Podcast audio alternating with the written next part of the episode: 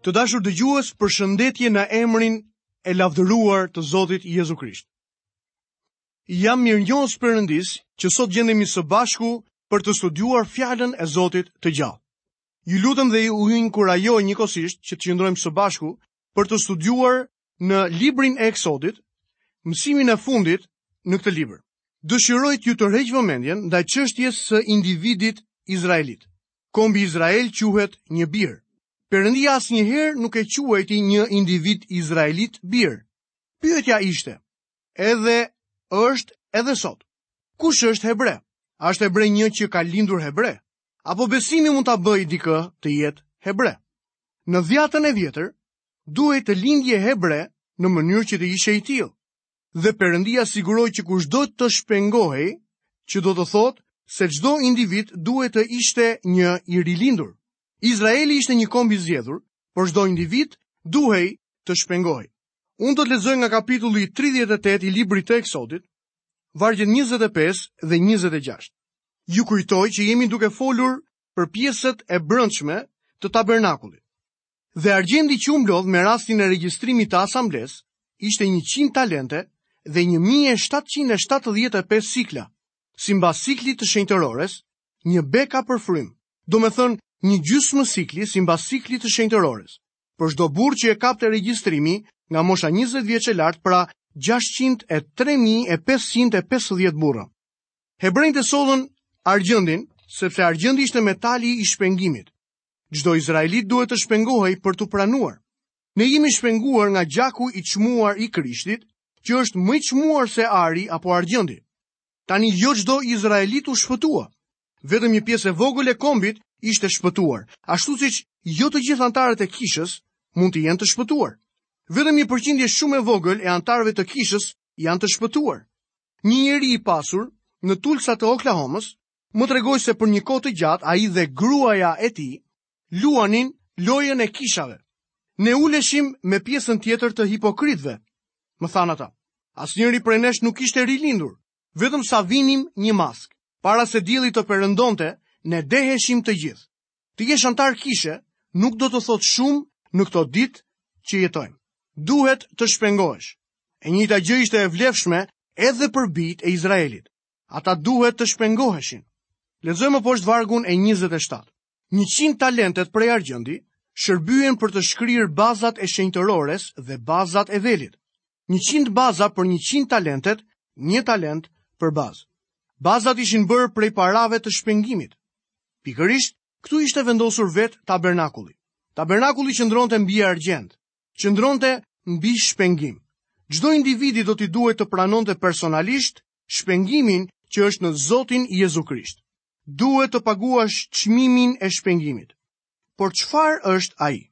Mirë, nuk është argjend ose ar. I vetmi kusht që duhet të plotësosh është që të jesh i etur. A do të doje të pije nga uji i jetës? Është falas. Shpëtimi i Perëndisë është falas për çdo njeri, por nuk është i lirë. Perëndisë i kushtoi gjithçka. Ai dha birin e tij të vdesë në kryq dhe të paguajë çmimin e shpengimit tonë. Lavdi Perëndisë që ne jemi shpenguar përmes gjakut të Jezusit. Ju kujtoj që në shkretëtirë, kombi i Izraelit u detyrua të shpengohej, por kur hyri në tokë, nëse dëshironin të numëroheshin me të shpenguarit, ata duhej të paguanin çmimin e shpengimit. Falë Zotit, për ne tashmë është paguar. Nuk kushton, nuk ka ndonjë çmim, por duhet të jesh i etur për të. Dëshiron të shpengohesh? Atëherë eja. Çmimi është paguar. Zoti Jezu Krisht ka derdhur gjakun e tij të çmuar për ty, vetëm që ti të kesh mundësi të vish tek Perëndia dhe të pranohesh prej tij. Tani do të flasim për rrobat e shenjta të kryepriftit. Aroni ishte kryeprifti dhe rrobat që ai vishte flisnin të gjitha për personin e Jezu Krishtit. Duket e habitshme në planin e parë, por e vërteta është që çdo pamje, çdo skenë është një hije apo shëmbëlltyrë e asaj që do të vijë. Modeli për këto rroba tashmë na është dhënë. Lexojmë në kapitullin e 39 të librit të Eksodit, nga vargu i parë dhe vargu i dytë. Pastaj me stofa ngjyrë vjollce, të purpurt dhe flakë të kuqe, bëri rroba të punuara mirë për të shërbyer në shenjtërore. dhe bënë rrobat e shenjta për Aaronin, ashtu siç e kishte urdhëruar Zoti Moisiun. Ai bëri efodin prej ari e me fill ngjyrë vjollce, të purpurt dhe flakë të kuqe dhe me li të hollë të përdredhur. Këto rroba quhen të shenjta sepse ishin vënë mënjanë për shërbesën e Perëndisë. Dhe brezi i punuar artistikisht që ishte mbi efodin për ta lidhur, kishte po atë përgatitje me ar, me fije ngjyrë vjollce të purpurt, dhe flakë të kuqe, dhe me li të hollë të përdredhur, ashtu siç e kishte urdhëruar Zoti Moisiun.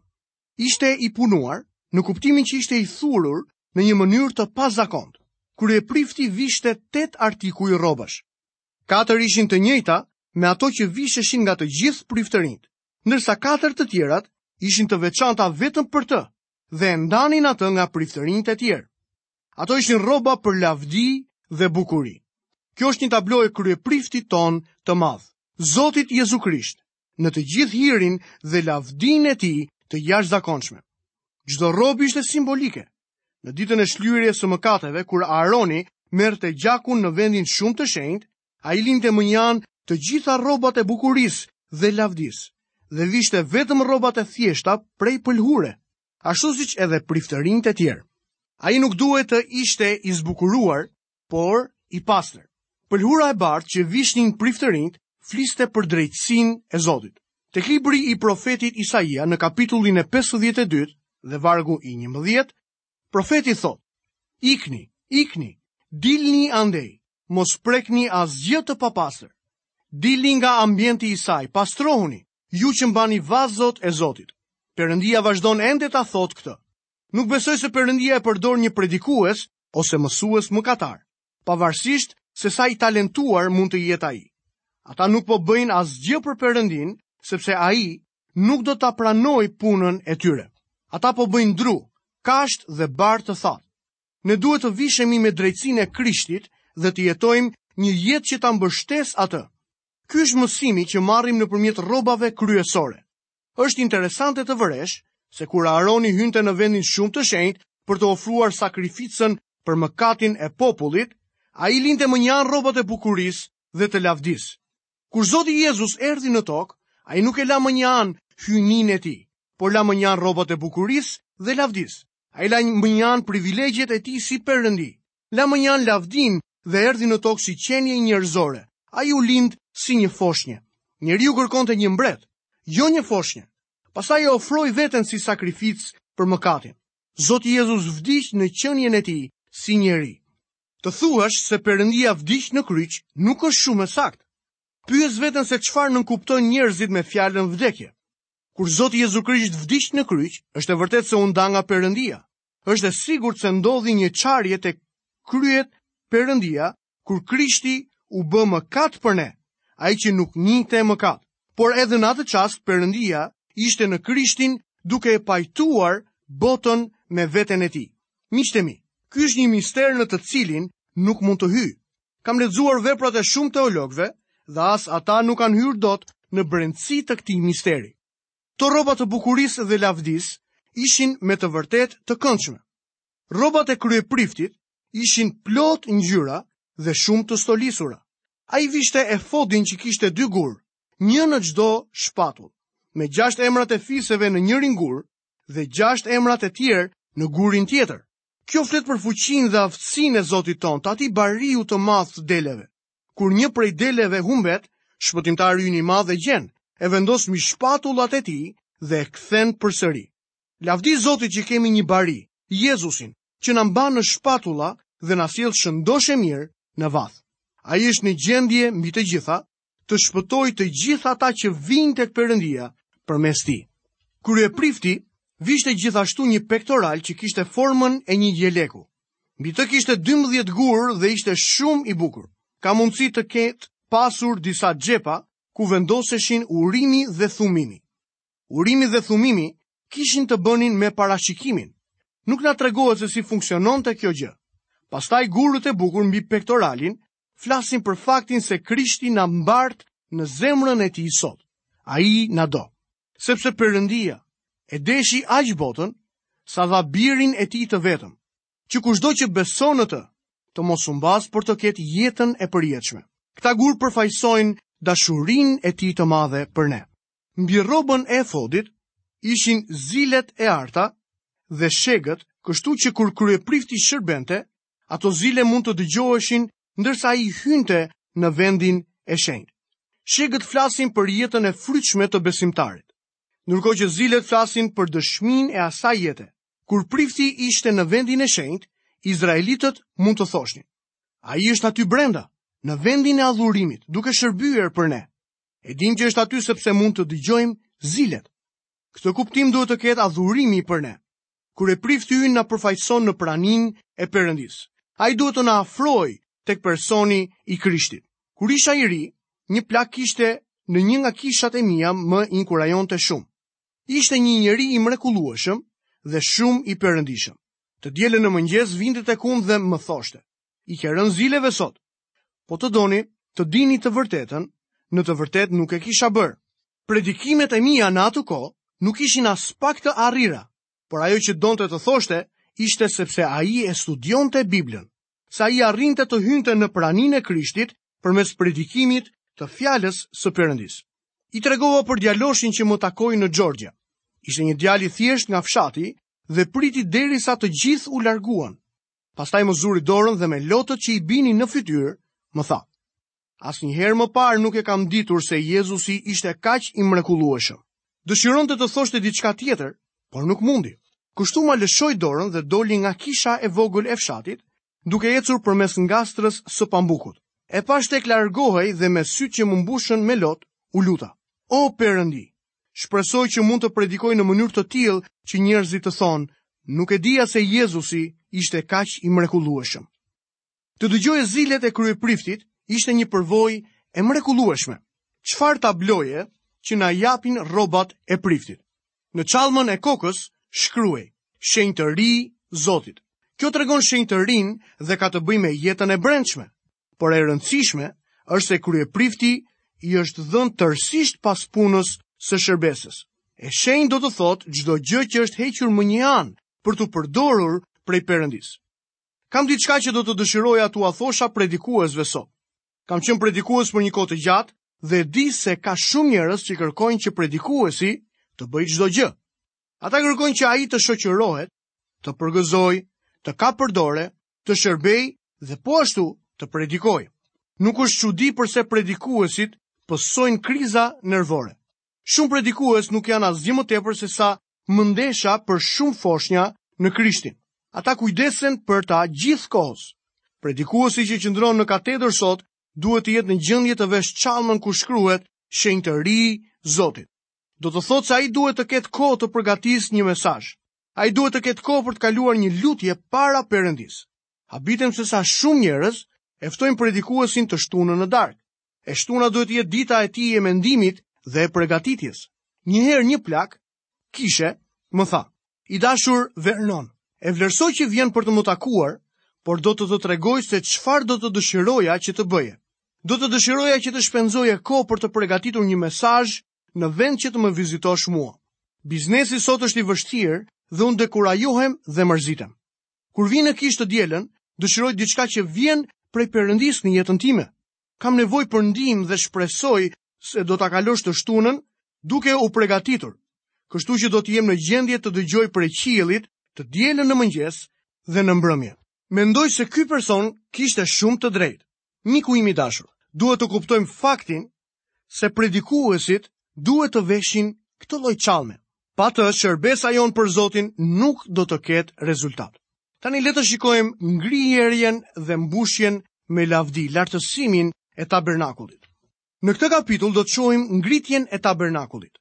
Dëshiroj të trajtoj vetëm një gjë, sepse tashmë i kemi trajtuar të gjitha orenditë dhe rrobat e priftit. Kur Moisiu e ngriti tabernakullin në kampin e Izraelit, ndodhi diçka e mahnitshme. Lexojmë në vargjet 34 deri në vargun e 38. Atëherë reja e mbuloi çadrën e mbledhjes dhe lavdia e Zotit e mbushi tabernakullin. Dhe Moisiu nuk mundi të hyjë në çadrën e mbledhjes, sepse reja e kishte mbuluar nga sipër dhe lavdia e Zotit mbushte tabernakullin.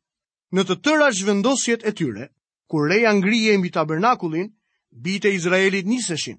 Por në rast se reja nuk ngrihej, nuk niseshin deri ditën që ajo do të ngrihej, sepse reja e Zotit qëndronte mbi tabernakullin gjatë ditës dhe natën mbi të qëndronte një zjarr para syve të të gjithë shtëpisë së Izraelit gjatë gjithë zhvendosjes së tyre. Kur apostulli Pal përpiqet të identifikojë izraelitët në librin e Romakëve, ai radhit disa gjëra që i ndajnë nga popujt e tjerë. Njëra prej tyre ishte lavdia. Këtë e gjejmë tek libri i Romakëve kapitulli 9 dhe vargu i 4. Izraelitët ishin populli i vetëm që ka patur lavdinë e Perëndisë, praninë e dukshme të Perëndisë. Ajo i udhëhoqi ata përmes shkretëtirës së madhe dhe të tmerrshme. Reja ngrihej në mëngjes nëse ata duhet të udhëtonin atë ditë. Nëse nuk ngrihej, bijtë e Izraelit qëndronin në kamp. Ata nuk përpiqeshin të lëviznin atë ditë. Ata nuk lëviznin asnjëherë sipas urtësisë apo gjykimit të tyre. Ata nuk votonin nëse duhet të lëviznin ose jo. Vendimin nuk e merrte Moisiu, por reja që i shoqëronte. Sa e mrekullueshme të shohim që populli i Zotit nuk udhëhiqej nga arsyetimi i njerëzve më të zgjuar midis tij. Nuk udhëhiqej prej intelektit apo arsyes njerëzore. Ndonjëherë në kishat tona themi se kreu është Krishti, po në kishën tënde. A është Krishti kreu i kishës tënde? A e ndjekim renë sot apo e pranojmë dikë në bordin e kishës vetëm se është një biznesmen i suksesshëm? Sot dëgjon njerëz tek thonë. Kërkoj të bisedoj me predikuesin tim për këtë problem. Dua që ai të më thotë se çfarë duhet të bëj. Njerëzit sot janë kaq të orientuar drejt pastorëve dhe predikuesve për të marrë një fjalë. Ndërsa ne që jemi pastorë, nuk jemi ekspertë për t'u treguar njerëzve se çfarë ata duhet të bëjnë. Nuk mund të zgjidhim problemet martesore të cilitdo. Por ka një re sot, edhe pse shumë njerëz nuk e shohin. Është fryma e shenjtë e Perëndisë. Ai duhet të jetë i vetmi që na drejton dhe na udhëheq.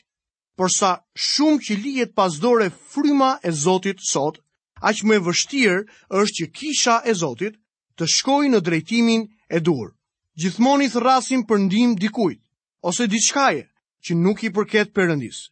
Por më shumë se kurrë kemi nevojë për predikues dhe mësues që janë të mbushur plot me frymën e Perëndisë. Kishat tona kanë nevojë për udhëheqës që do t'i kushtojnë vëmendje fjalës së Perëndisë dhe që kërkojnë të bëjnë vullnetin e tij. Nuk ka ndonjë re të dukshme mbi kishat tona sot, por fryma e shenjtë e Perëndisë kërkon të na drejtojë dhe të na udhëheqë në çdo të vërtetë. Le ta lejojmë pra frymën e Zotit, frymën që ishte në jetën e Zotit Jezu Krisht, frymën që mundësoi Jezusin të kryejë shërbesën e mrekullueshme të dukshme të tij. Të dashur vëllezër dhe motra, këtu përfundojmë dhe studimet tona në librin e Eksodit. Ky libër filloi me pamjen e errët të vendit ku bëheshin tullat në Egjipt ndërsa vumë re në mënyrë të qartë që populli i Izraelit ishin të gjithë skllevër duke vuajtur skllavërinë e mëkateve të tyre. Vazhdojmë më poshtë dhe shohim që u mbyll me praninë e lavdishme të Zotit në tabernakull. Sa e mrekullueshme është që të shohësh brenda një libri, fillimin dhe fundin e tij Dy realitete krejt të ndryshme, nga skllevër në njerëz të lirë, nga një popull që qante dhe thërriste Perëndinë që t'i çlironte nga skllavëria, në një popull që u çlirua nga skllavëria me dorë të fuqishme të Perëndisë, përmes shumë shenjave dhe çudirave, duke ecur për në tokën e premtuar.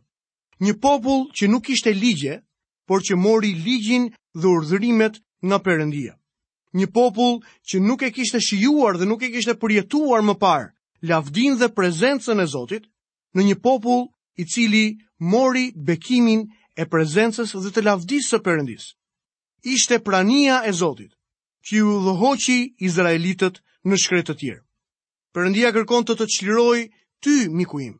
nga errësira e skllavërisë së mëkatit dhe të të sjellë në lavdinë e pranisë së tij dhe në qendër të vullnetit të tij, ku mund të të drejtojë dhe të të udhëheqë.